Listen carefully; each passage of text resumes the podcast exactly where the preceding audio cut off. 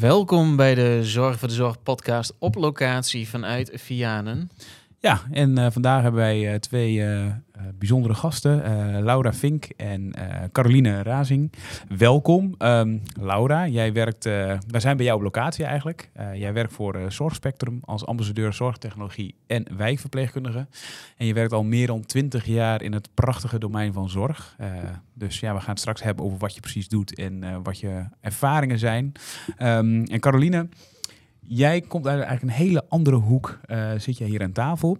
Je hebt wel uh, voor een zorgorganisatie gewerkt, maar dat was een groot ziekenhuis. Uh, maar eigenlijk ben jij in aanraking gekomen met de ouderenzorg toen jouw man gediagnosticeerd werd met dementie. en Klopt. eigenlijk al op hele jonge leeftijd. Ja. Um, ja, en, en, we gaan het er ook helemaal over hebben van wat je dan nu doet en hoe dat is geweest voor jou. en en ja, een prachtige missie die je nu hebt om de ouderenzorg zeg maar, nou ja, te veranderen en impact te maken. En dat is ook direct een link met jullie, want we kijken altijd god, wat is de overeenkomst tussen mensen die we aan tafel hebben. Maar hebben, jullie hebben allebei de uh, ambitie uh, om de zorg beter te maken en uh, nou, iets bij te dragen aan eh, het welzijn van ouderen. Dus nou, daar wil ik het, willen we het heel graag over hebben. Um, en dan is eigenlijk de eerste vraag aan jou, Laura. Wat doet een ambassadeur zorgtechnologie? Nou ja, eigenlijk is dat heel breed. Uh, je kijkt gewoon welk hulpmiddel of welke uh, technologie kan helpen, kan bijdragen aan het uh, welzijn van de cliënt. En ja, iedereen weet het al, het enorme personeelstekort. het anders werken in de zorg, je zal wel moeten nu. Als je blijft afwachten, dan gebeurt er niks. Dus ehm, ja, met een klein onderzoekje vanuit een zorgrobot uh, om dat te implementeren ben ik eigenlijk klein begonnen. En toen is het project uh, gekomen vanuit Utrecht Zorg om ambassadeur zorgtechnologie. Mm -hmm. Daar heb ik op gesolliciteerd. Was in eerste instantie wel intramuraal gericht, maar gelukkig hebben ze een uitzondering gemaakt voor de wijkverpleging. Mooi. En uh, omdat ik er eigenlijk al een beetje mee bezig was en ze wel zagen dat het mijn passie ook was, mocht ik toch meedoen met het project. En uh, ja, de vrijheid is gewoon dat ik kan ophalen uit de praktijk waar ik tegenaan loop. En zelf kan beslissen ja, wat ik wil gaan inzetten eigenlijk. Ja. En uh, het is vallen en opstaan. Ik wil soms wat sneller en mijn collega's willen niet zo graag mee. Dus dat is soms een hele uitdaging. Uh, maar op de een of andere manier, door mijn eigen enthousiasme, krijg ik iedereen wel mee. Ja. En ja, je kan het zo breed maken als je zelf wil. Je kan heel klein beginnen met een druppelbril. Uh, uh, door een cliënt of een bewoner dat zelf te laten doen en er gewoon naast te zitten met een praatje. Terwijl dan intramoraal wordt er al gauw gezegd, ja, maar ja, we zijn er toch. Ja, maar goed, alles wat een cliënt of bewoner zelf kan, laat dat vooral doen. Mm-hmm. Dus ja, ga er dan gewoon naast zitten. En uh, ja, zo zijn we ook met virtuele thuiszorg nu uh, begonnen. En uh, de leefstijlmonitoring vind ik een hele fijne. Ja. dat je dan het gezonde leerpatroon van een cliënt leert kennen. En als er dan een afwijking is, dan krijg je wat te horen. En zo hebben we um, ja, al vroegtijdig een blaasontsteking kunnen ontdekken. Zonder dat een cliënt in het delier kwam. Zorg is niet aangepast. En we konden gewoon uh, de zorg doorgeven. En, ja, en één antibiotica pilletje extra. Maar goed, we waren er toch. Dus dat Mooi. maakte geen verschil. Dus dat is wel echt uh, heel fijn. En al die cliënten die op tijd hun medicatie moeten innemen. Ja, ik kan niet op tien plekken tegelijk zijn. Dus hoe fijn is het dan dat er een hulpmiddel is die dan dat medicijn aanreikt of een cliënt eraan herinnert om het toch in te nemen? En dat ik misschien bijvoorbeeld smiddags nog even bel van joh, is het gelukt of ik check het op een later tijdstip. Dus is, ja, zo zijn er heel veel ontwikkelingen die nu gaande zijn en die we dan op die manier proberen in te zetten. Ja, gaaf. Ja. En ben je de enige binnen de organisatie die deze rol heeft? Nee, we zijn een clubje van zes okay. met allemaal verschillende uh, werkplekken. Ergo, degene die intramuraal werken, uh, of op de revalidatieafdeling. En zo vullen we elkaar echt wel aan. En, uh, maar goed, je kan ook uh, in intramuraal een situatie van... ja, ze bellen continu om de gordijnen open te doen. Nou ja, hebben we bedacht om een motortje op het gordijn te zetten. Mm. En dan bellen ze daar niet meer voor. Mm. Dus weet je, het zijn allemaal van die kleine dingetjes. Ja. Uh, net zoals het digitaal aftekenen van de medicatie, het digitale dossier. Vroeger dacht je, nou, dat wil ik echt niet, dat kan ik helemaal niet. En nu kan je eigenlijk niet meer zonder. Mm, ja. Dus, uh, maar dan moet de techniek het wel doen. Ja, moet de techniek het wel doen. Ja, dat is soms een nadeel. Maar uh, elk okay. nadeel heeft uiteindelijk weer zijn voordeel. ja. Leuk. Ja. En Mooi. Hoe, en hoe vinden jullie elkaar dan? Je zegt zes personen. En spreek je dan af en toe af? Of heb je ja, wat? we hebben iedere week uh, een online momentje hmm. van een half uurtje. En één keer in de maand zien we elkaar een uur. En we gaan alle beurzen af eigenlijk om weer ervaringen en kennissen op te doen. En eh, ja, toevallig heb ik vorige week ook nog een gastles gegeven op het ROC om de aankomende studenten ook uh, uitleg te geven over wat je allemaal kan inzetten binnen de zorgtechnologie. En het blijft soms wel een beetje een discussiepunt van ja, waarom zit je zorgtechnologie in of een hulpmiddel in? Uh, die warme, zachte zorg, daar ontkom je toch niet aan. Maar ja, je moet het gewoon samen zien. En uh, uh, ja, die werkdruk neemt wel af. En je kan uiteindelijk meer cliënten helpen. Nu is het soms dat je echt wel drie keer op een dag nee moet zeggen, omdat je gewoon geen ruimte hebt. Mm -hmm. Dus een beetje creatief denken, dan kan je uiteindelijk meer cliënten helpen. Ja, ja, ja want, als je, want dat, is, dat is de grote uitdaging waar Ja. we het al heel vaak eigenlijk over hebben. Is dat er zijn zoveel zorgvragers. Ja. eh, en we hebben gewoon echt te weinig collega's die dat zeg maar eh, werk kunnen doen. Dat je gewoon heel veel mensen nu moet teleurstellen die helemaal niks meer Mm. krijgen. En vooral Terwijl- nu voor de zomervakantie. Ja. Ja. Collega's gaan toch op vakantie. En ik eh, hou er al rekening mee dat ik straks eh, in de zomervakantie meer moet gaan werken. Ja. Eh, en soms heb je gewoon periodes niemand. Dus je moet het wel op een andere Ja. manier eh, gaan inzetten. Maar ook samen met eh, familie en mantelzorgers.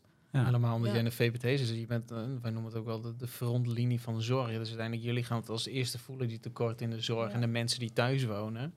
In een verpleeghuis kun je nog uiteindelijk even een afdelingje naar beneden. Of dan zijn tekorten. Maar er is iemand. En uiteindelijk, ja, jullie zijn de enige persoon in de wijk die soms een heel gebied bestrijkt. Ja, en vooral nu wij in Vianen zijn vrij klein. We hebben één dagdienst en één avonddienst. Eh, ja, als er dan iets uitvalt, sommige collega's draaien gewoon dubbele diensten. Die draaien en de dag en de avonddienst. Hmm. Om maar die cliënt te helpen. Ja. Ja, ja. Ja, en we doen nog steeds groter beroep op de familie en eh, relaties. Hè. Dat is ook die hele wel, eh, maatschappelijke verandering die we Mhm. door moeten. En uh, daar kom ik toch bij, uh, bij jou. Uh, want jij hebt dan natuurlijk ervaren hoe het is om in één keer mantelzorger te worden van je partner. Dat is misschien wel gegroeid. Ja. ja, het was niet in één keer. Nee, Nee. nee. nee. het begon... uh, ja, in eerste instantie gebeurden er wat vreemde dingen. En uh, daar wuif je dan weg. En langzamerhand werd dat steeds meer. En mijn man werd steeds stiller. Hij ging zich steeds meer uh, ja, afzijdig houden van gesprekken. En uh, ook tijdens het eten s'avonds dan eigenlijk uh, niet meer in de gesprekken met de kinderen meegaan. En ja, zo is dat langzaam gegroeid. Mm -hmm. ja, ja. Tot op een gegeven moment de, de, jij hem, nou, je zei net in het voorgesprek, bijna mee moest slepen naar de huisarts om, Ja. Om daar het gesprek aan te gaan. Ja. En toen kreeg hij de diagnose. Wat, hoe was dat voor jou, die periode? Um, ik moet eerlijk zeggen, de periode voor de diagnose was eigenlijk nog zwaarder. Mm -hmm. Omdat je gewoon niet weet wat er aan de hand is. Van, uh, want wij waren al heel lang samen. En het liep dus ons, ons samen ook helemaal niet meer zo lekker. Dan denk ik van, waar komt dit vandaan? En Mm. Uh, de dynamiek van, uh, van, uh, van thuis, de kinderen, die, die waren jong volwassen. En zo zeggen ze van, ja, er komen vrienden hier. En dan kwamen die niet, want dan gingen zij daar zelf naartoe. En zo al die veranderingen. We hebben een hond. Ja, dat vond, dat, dat, vond mijn man heel, heel lastig. Ja.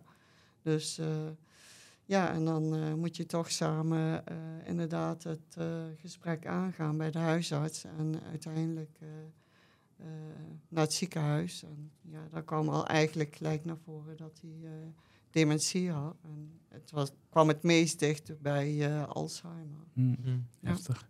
Ja. En, en hoe, hoe, hoe is dat proces daarna gegaan? Want heeft hij nog heel lang, uh, heb je nog heel lang samen gewoond? Of ging hij, ging hij al heel snel, werd hij al heel snel opgenomen? Ja, het was wel... Uh, ik weet niet of we dat mogen zeggen trouwens, opgenomen. Maar...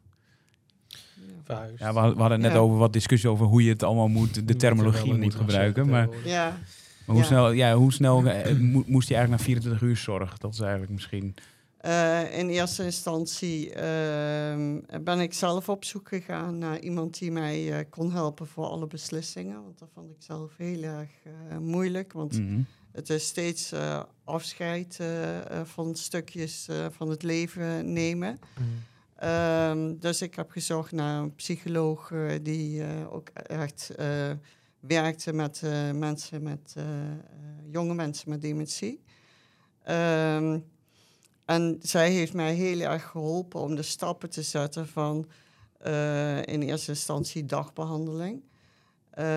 Want ik zag mijn man ook echt niet bij de oudere mensen met dementie.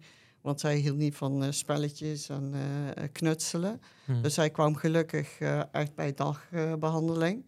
en zij hebben eh, gaandeweg eh, steeds de stappen samen met ons genomen. ehm, ja, die, die genomen moesten worden.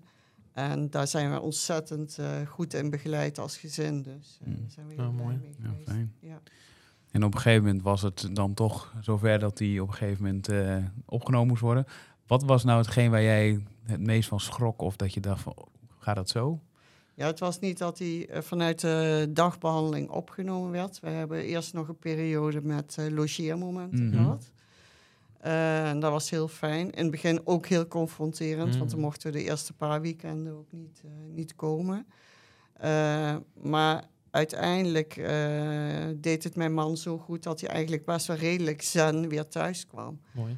En dan, ja, dan zie je ook van dat het daadwerkelijk wat doet. Mhm. En dan kun je er een beetje vrede mee hebben. En toen mijn man op een gegeven moment opgenomen ging worden, ja, vond ik eh, eh, denk ik wel het meest confronterende dat hij vaak heel lang alleen in zijn kamer zat. Hm. Achteraf eh, schijnt dat nodig te zijn, maar dat vond ik heel lastig. Ja. Hm. Ja, heftig. Ja. En als je naar, hoe is jouw ervaring met mensen met dementie vanuit het, vanuit het professionele rol? Kom je dat veel tegen in je werk? Hoe bedoel je? Wat Eh, kom ik veel tegen? eh, familieleden en, en eh, ja, cliënten? juist. Want ik wilde ook gelijk eh, eigenlijk contacten, eh, korte lijntjes hebben met familie. Mhm. Omdat de cliënt eigenlijk niet meer weet wat het juist het beste zorg is of zo. Dus dat spreek ik eigenlijk ook altijd met de intake af. Dan is de familie bij. En dan zeg ik ook van, joh, ik wil graag die korte lijntjes houden. dat we samen kijken wat de beste zorg is of wat het samen het beste past. En eigenlijk bouw je dan eigenlijk ook heel leuk contact op met een mantelzorger. Waar je dan eigenlijk meer contact mee hebt zelf. Ik als wijkverpleegkundige dan met de cliënt zelf. Dus dat is Mhm. eigenlijk wel heel apart. Eh, en ook wel heel bijzonder eigenlijk. Ja. Ja. En dat rouwverwerking, hoe, hoe ga je daarmee om? Want het is natuurlijk een continu rouwproces waar... Nou, bij ons eh, binnen Zorgspectrum werken we met case managers. Ja, ja. En die doen eh, heel erg die, die begeleiding voor partners, mantelzorgers en kinderen. Mhm. En die ook samen met de psycholoog en zo. En ehm, dus daar heb ik zelf dan wat minder mee te maken. Maar goed, je bespreekt het wel. En, eh, en daar staan we ook wel open voor. Ja, maar goed, wij kijken dan uiteindelijk wel wat dan voor de cliënt het beste is en wat we Mhm. daar als zorg kunnen doen. En dat we ook wel goed kijken naar de belasting van de mantelzorg. Want soms zitten ze er echt doorheen en kunnen ze niks meer. Eh, dan neem je even tijdelijk weer wat meer over, totdat ze weer wat rustiger zijn eh, en het wat meer aankunnen. Dus dat gaat continu in, in samenspraak eigenlijk. Ja. Ja. En hoe zorg je ervoor dat uiteindelijk, want wat ik ook al zo gewoon het lastige uiteindelijk zeg, hè, heel veel contact met de mantelzorger, maar uiteindelijk ook met, de- met de cliënt, maar dan soms meer met de mantelzorger. Hoe zorg je er dan voor dat je niet over iemand praat, maar met iemand praat, omdat diegene er wel bij is? Dus Ja, dan, het is eigenlijk wel altijd bij de cliënt thuis. Eh, maar soms krijg je ook gewoon vanuit de mantelzorger... oh, ik moet even mijn hart luchten. hm. En dan is het vanuit de mantelzorger zelf. Hm. Eh, en ja, je gaat toch met een respectvolle manier. Het is niet dat ik wil roddelen over een cliënt of Mm. zo. Nee. Nee. Nee, want ik hoor wel eens uiteindelijk soms van mantelzorgers, als de diagnose is geweest, uiteindelijk dan zeggen ze, hoe gaat het met je man? Mhm. Terwijl hij ernaast zit.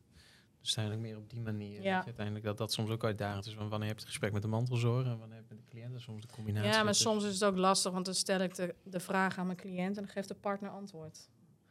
En dan is het van, eh, dat Hmm. is soms ook wel lastig. Ja, dat is weer die andere en dan is het weer de andere kant. En dan Nou ja. moet je ook echt wel zeggen, ja, maar ik vraag het aan meneer. Hmm, Wat, hmm. U mag ook zeggen wat Ja, er mooi. is. En eh, ja, dat je wel die ruimte Nou, het heeft natuurlijk ook met ziekteinzicht te maken, toch? Ja. Ja, Want ook. bedoel, als, als je zelf niet je ziekteinzicht hebt, Ja. dan is het natuurlijk heel lastig om te antwoorden. Van, dan zeg je, ja, het gaat hartstikke goed met mij. Mhm. Ja. Nou ja, en dan, dan zit jij een ernaast en dan denk je? Ehm, ja, alleen voor, dan betekent dus dat het voor de cliënt misschien wel goed ge- eh, georganiseerd is, maar voor iemand in de thuissituatie misschien wel enorm belastend of zo. Ja, weet niet maar of- die componenten kan je samen bespreken. Maar Ah. ik, ik vind Ja, ik weet het niet. Ik ja, ik- ik, ik- vind het niet fijn eh, als ik een gesprek heb met een cliënt en een mantelzorger, dat alleen de mantelzorger aan het woord Nee. is. Mhm. Dus daarom zeg ik, dat is ook een antwoord. Mhm. In zijn beleving gaat het goed. Dus dat is Ja. heel fijn dat hij dat voelt. Ja. En dan heb je nog dat stukje met de mantelzorger. Ja. Heb jij, heb jij dat ook zo ervaren? Ja, van het, eh, het antwoord van het gaat goed was eh, vooral ook heel lastig eh, met het uit dienst gaan van, bij de werkgever. Eh, en toen kwam mijn man bij het UWV en dan, hij moest eigenlijk eh 100% arbeidsongeschikt verklaard worden. En een hele goede vriend van ons, die heeft dat samen met mijn man allemaal begeleid.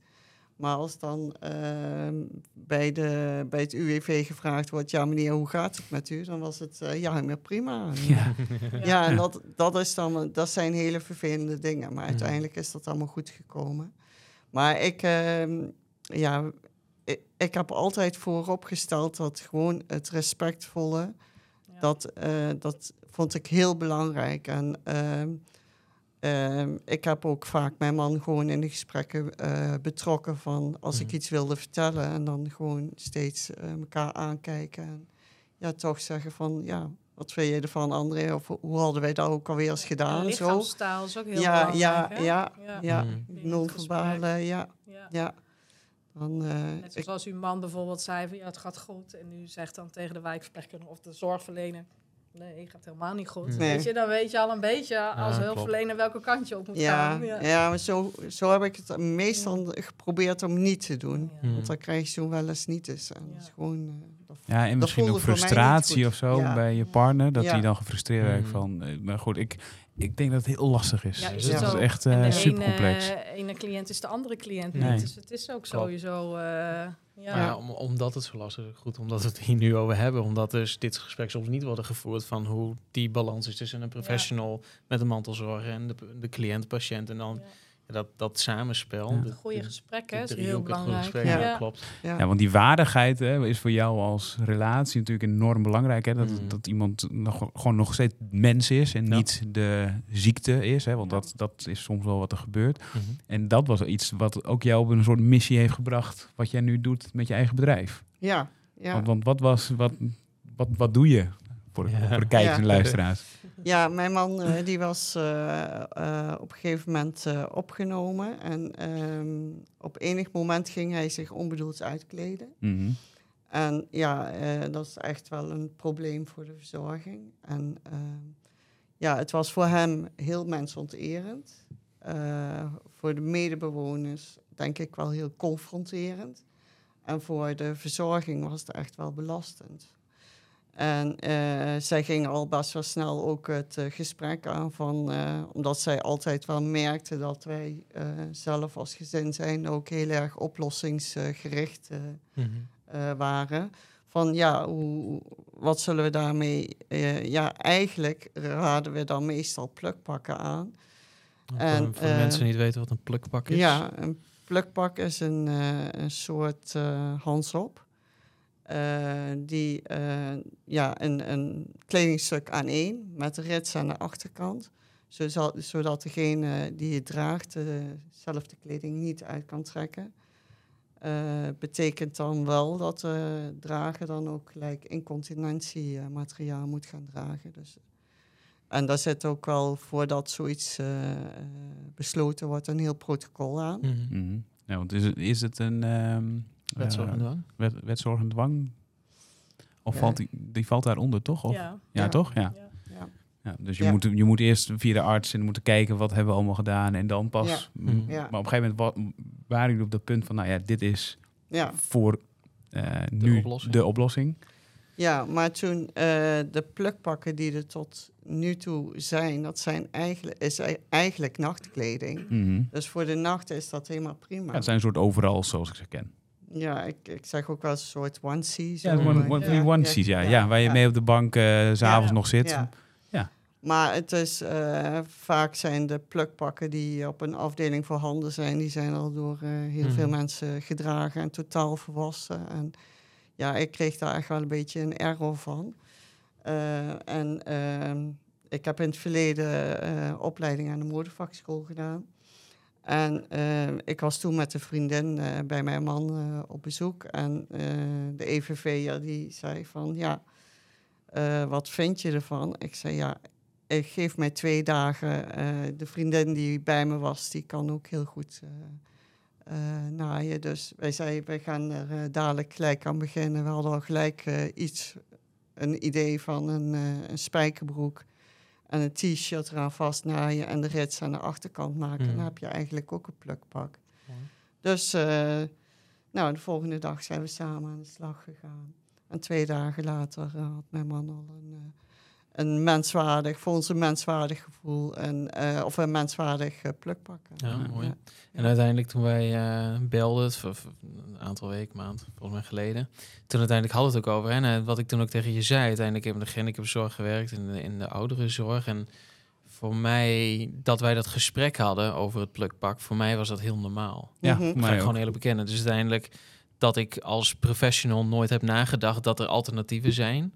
eh, dat dat normaal was. En precies wat je zegt, in de nacht werd gebruikt. Maar dat ik ook cliënten ze heb aangetrokken en aan heb gehad overdag. En uiteindelijk dat nooit bij mij dat is gaan klikken. Omdat, zoals het vaak gaat in de zorg, dit doen we altijd al zo. Ja. Eh, en uiteindelijk dat ja, wat jij doet gewoon zo mooi en impactvol is. En uiteindelijk, en jij hele toffe dingen doen met technologie. En wij zijn super fan van technologie. Maar uiteindelijk dat dit soort innovaties, dit soort oplossingen er ook mogen zijn. Ja. Ja. Ja, want wij hebben het altijd over technologie en eh, hoe kunnen we mensen zo lang mogelijk eh, zelfstandig thuis laten wonen, eigen regie.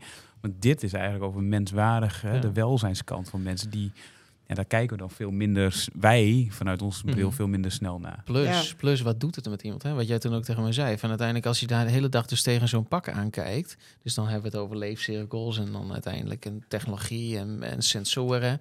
Maar misschien is hij helemaal onrustig, maar die loopt de hele dag met zo'n pak aan. Ja. Maar liep normaal gesproken in een spijkerbroek en een, en een, eh, een overhemdje. Dus uiteindelijk dat we ook niet naar dat soort dingen kijken. en Zeggen, oh, die persoon is altijd een beetje onrustig. Maar misschien zitten soms een hele kleine andere dingen. Ja. Maar hoe ziet dat er nou uit? Zo'n, zo'n, zo'n, Nou, dat was net de vraag die ik wilde stellen. hoe ziet zoiets er dan uit? Zo'n, eh, zo'n plukpak 2.0. Ehm, nou ja, een, eh, eh, we hebben een, eh, gezocht naar een eh, stof die eh, voor de jeans, eh, Hmm. die, waar stretch in zit. Mhm, het moest vooral comfortabel zijn. mhm. Ehm, en eh, ja, je moet naar een hele hoop eh, aspecten kijken, want het is een, pluk, eh, een, sorry, een pak aan één. En eh, eh, de kleuren moeten een klein beetje eh, eh, op elkaar afgestemd zijn, want het, het gaat in één keer de wasmachine Ja. in. Mhm. Ehm, maar ja, voor ons ging het natuurlijk ook wel eh, dat het ook, eh, eh, ja, eh, vooral menswaardig. Eh, Een dus beetje leuk eruit ziet. Ja. Ja. dat het gewoon ook past bij de persoon. Ja. Ja, ja mijn man was nog jong en eh, sportief altijd. Dus ja, dan wil je gewoon ook dat hij er leuk Ja. uitziet. En ehm, ja, dus, eh, en het moest, het shirt, eh, ja, de stof hebben we eh, laten breien. Mhm. En eh, ja, het is echt eh, ja, een hele mooie stof geworden. Ja. Nou, dat kunnen wij ook bevestigen, want voor de mensen die kijken, die zien dat wij allebei een polo aan hebben. Ja, en dat voor, is de, voor allebei de mensen die luisteren, Renier heeft een blauw Ja. aan en ik heb een grijs aan. En ik moet echt serieus zeggen, dit is dus zo'n, eh, voor de mensen thuis, dit is dus zo'n eh, bovenstuk. We hebben nu niet de broek aan, maar wel de bovenstuk. Mhm. En het is echt serieus. Ja, ik hoef je geen promo te maken, maar het is echt een lekker, eh, een lekkere stof. Echt een mooie polo. Ja, dus ik, Goede dikte, een beetje stretch. En Ja. uiteindelijk, eh, ja, ik denk ook voor warmte en kou, wat jij ook een keer hebt gezegd. Hè? Bestaande Ja. plukpakken zijn soms, als er iemand die aan heeft als het heel warm is, dan, dan je. dan, zweet je daarin. Stug katoenen spul. Ja. Ja, en Ja. uiteindelijk het shirt dat ik hiervoor aan had was heel synthetisch. En dan had ik hem, nou ja, dat zweten. maar uiteindelijk nu is het gewoon, ja. ja, ik vind het echt eh, serieus. Ik vind echt dat, dat jouw missie, dat je echt geslaagd bent in je missie om Mhm. iets te maken wat ik zelf in mijn dagelijkse eh, praktijk eh, gewoon overdag aan zou willen hebben. Ja. nou, en ik Ja, vind- wat, ik ook- degenen die eh, nu kijken eh, niet zien, is dat jullie een rits eh, Ja. aan de achterkant, ritsluiting hebben. een, rits, een rits en een knoopje. Ja, we even een shot van doen, hè? Ja. Kijk even naar onze, on- onze expert, Iris. Die gaat zorgen dat er een shot komt. ja.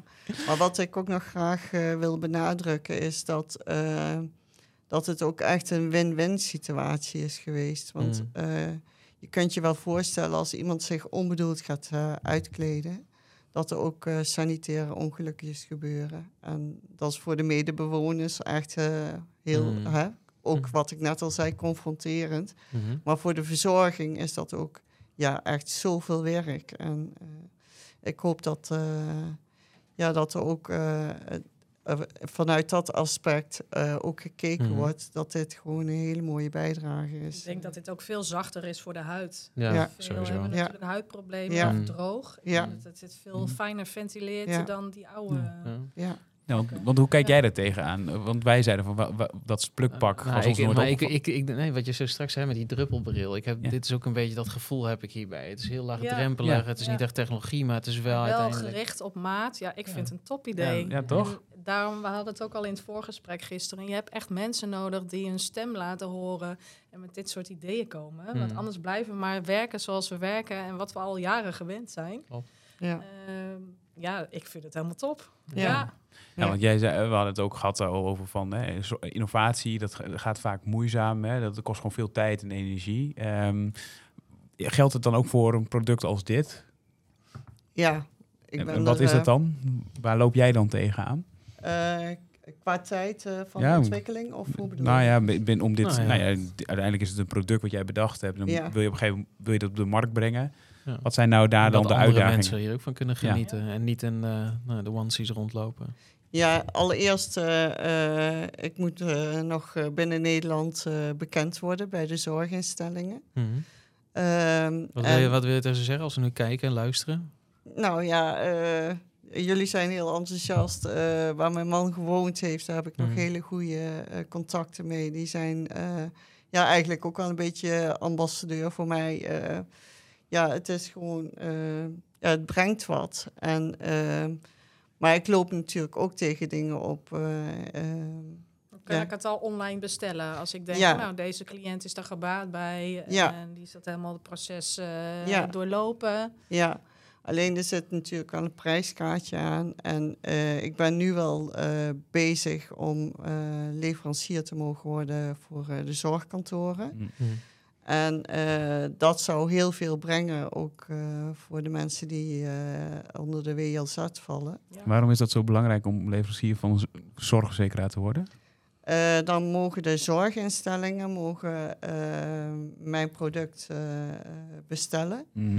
En dan eh, kan het eh, als bovenbudgetair persoonlijk hulpmiddel. Oh, mooi. Ja, het is natuurlijk een worden. medisch hulpmiddel. Ja. Dus Ja. eh, de zorgverzekeraars zijn eigenlijk gek als ze het niet vergoeden. Nee, ja, kijk, en Ja. anders zit je natuurlijk op een stukje, ehm, eh, moet je het zelf aanschaffen als familie of eh, Ja. relatie. En, Ja. en dat is voor niet iedereen is dat gewoon toegankelijk Nee, genoeg. nee. Er is heel veel verborgen armoede. Ja. en, Ja. eh, Ja, dat hebben wij ook wel echt gezien binnen het verpleeghuis. Ja, dat vergeten mensen in Nederland. Dat het moment dat je ouder wordt. En, nou, ja, Maar hoe zit het met die financiering vanuit die andere plukpak?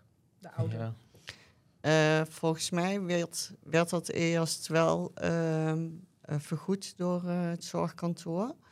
Eh, ik kan zo niet meer helemaal eh, eh, terug eh, vertellen hoe, dat, Nee. hoe Mhm. dat ze dat eh, eh, bekostigden. Maar dat schijnt dat dat nu eh, gestopt is. Hm. Eh, dus vandaar dat die plukpakken ook totaal volwassen zijn. En, Mhm. Ja. ja.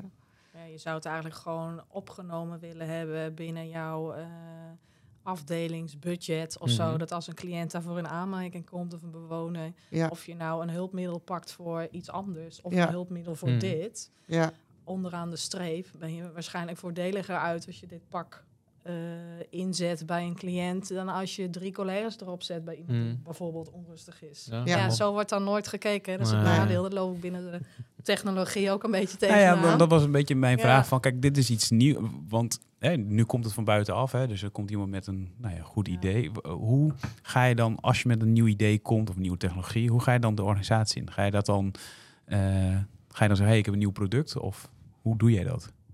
Ja, vaak doe ik het vanuit eh, dingen die ik uitprobeer. Maar ja, dit is dan ook iets om uit te proberen. Uiteindelijk eh, gaat het toch weer via de organisatie en of de financiën daarvoor zijn. Mhm. Maar dan verschilt het, ga je het in de wijkverpleging inzetten of binnen de WLZ-zorg. Dus dat is ook al wisselend.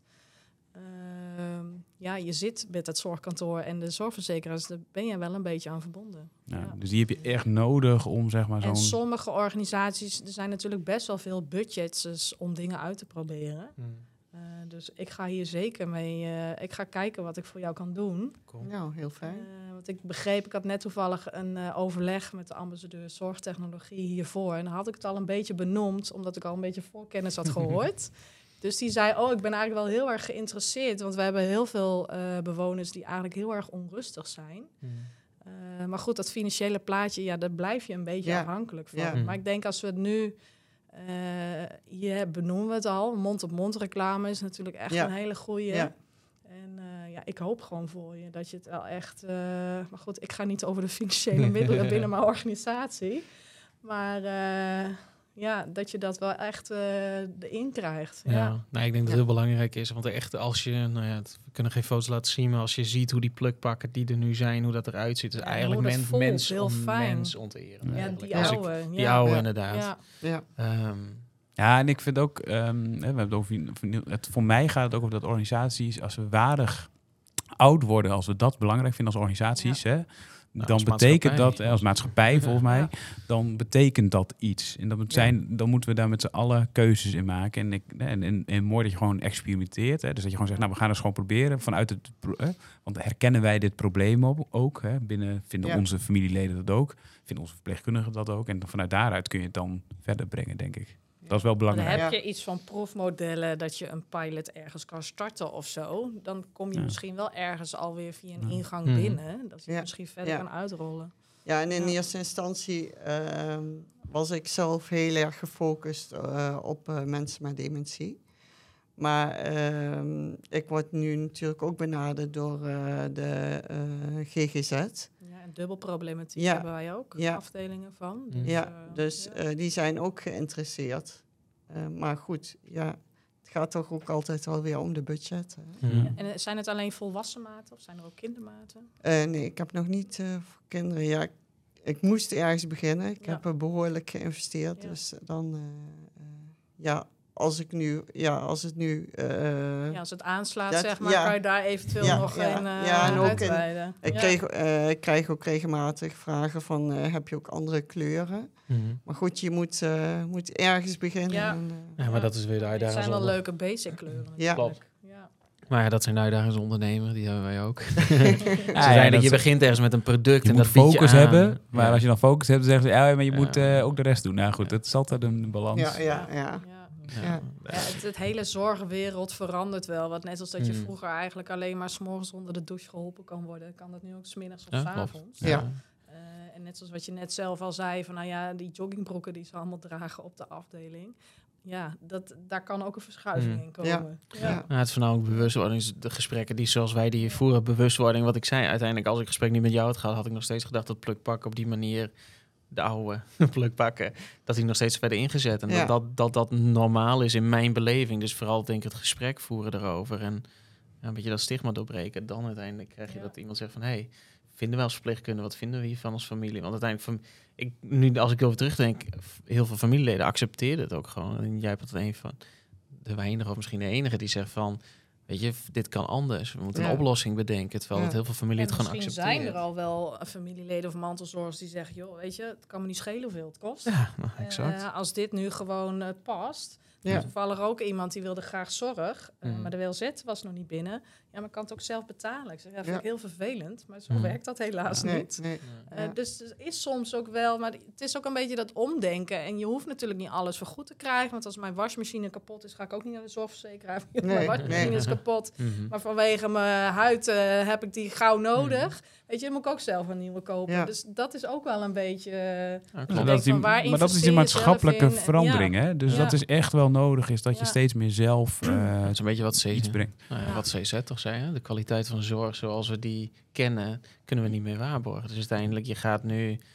We moeten misschien genoegen nemen met minder of zo. En op Ja. een andere manier genoegen. Anders. Ik Anders. denk niet meer dat het Mm. zozeer minder is. Want je kan best wel dezelfde zorg inzetten, maar dan anders. Ja. Het is niet meer u vraagt, wij draaien. Nee. Maar wat heeft u nodig en wat kunnen we daarbij inzetten? Wat is dan nog nodig? En dat kan de zorg eventueel aanvullen. Mhm. Ja. We, we zijn helaas alweer eh, aan het einde gekomen van deze podcast. en ehm, dus we- ik, ja, ik wil jullie heel erg bedanken voor jullie aanwezigheid. Echt een heel mooi initiatief en product wat je hebt ontwikkeld, waar we echt naar de waardigheid kijken van, van eh, mensen met dementie. Ehm, en jij ook heel erg bedankt met ja, je ambassadeurschap en hoe je technologie echt probeert in te bedden in de organisaties. Echt, ik denk dat het ook, ook weer een oproep naar andere organisaties is om Mhm. eh, mensen aan te stellen die dat gaan doen. Want je, die aandacht is daar ook gewoon voor nodig om die stap te kunnen maken. Ja, en lef. Ja. Gewoon doen. Soms Ja. moet je gewoon doen. Vallen en opstaan. Ja. En, en het netwerk creëren dus uiteindelijk. Ja. Dat je Ja. verschillende disciplines zijn, jullie allemaal verschillende ambassadeurs. Maar dat je Ja. wel elke week samenkomt. Dus uiteindelijk ja, het, het inzetten van het innovatienetwerk van je medewerkers in je Zo organisatie. belangrijk. Ja. Ja. En tot slot, waar kunnen mensen de plukbakken vinden? www.carefashion.nl Dus we Ja. stoppen het ook nog in de beschrijving. Maar eh, bedankt. Bedankt. Bedankt voor het luisteren, kijken en eh, tot de volgende. Tot de volgende.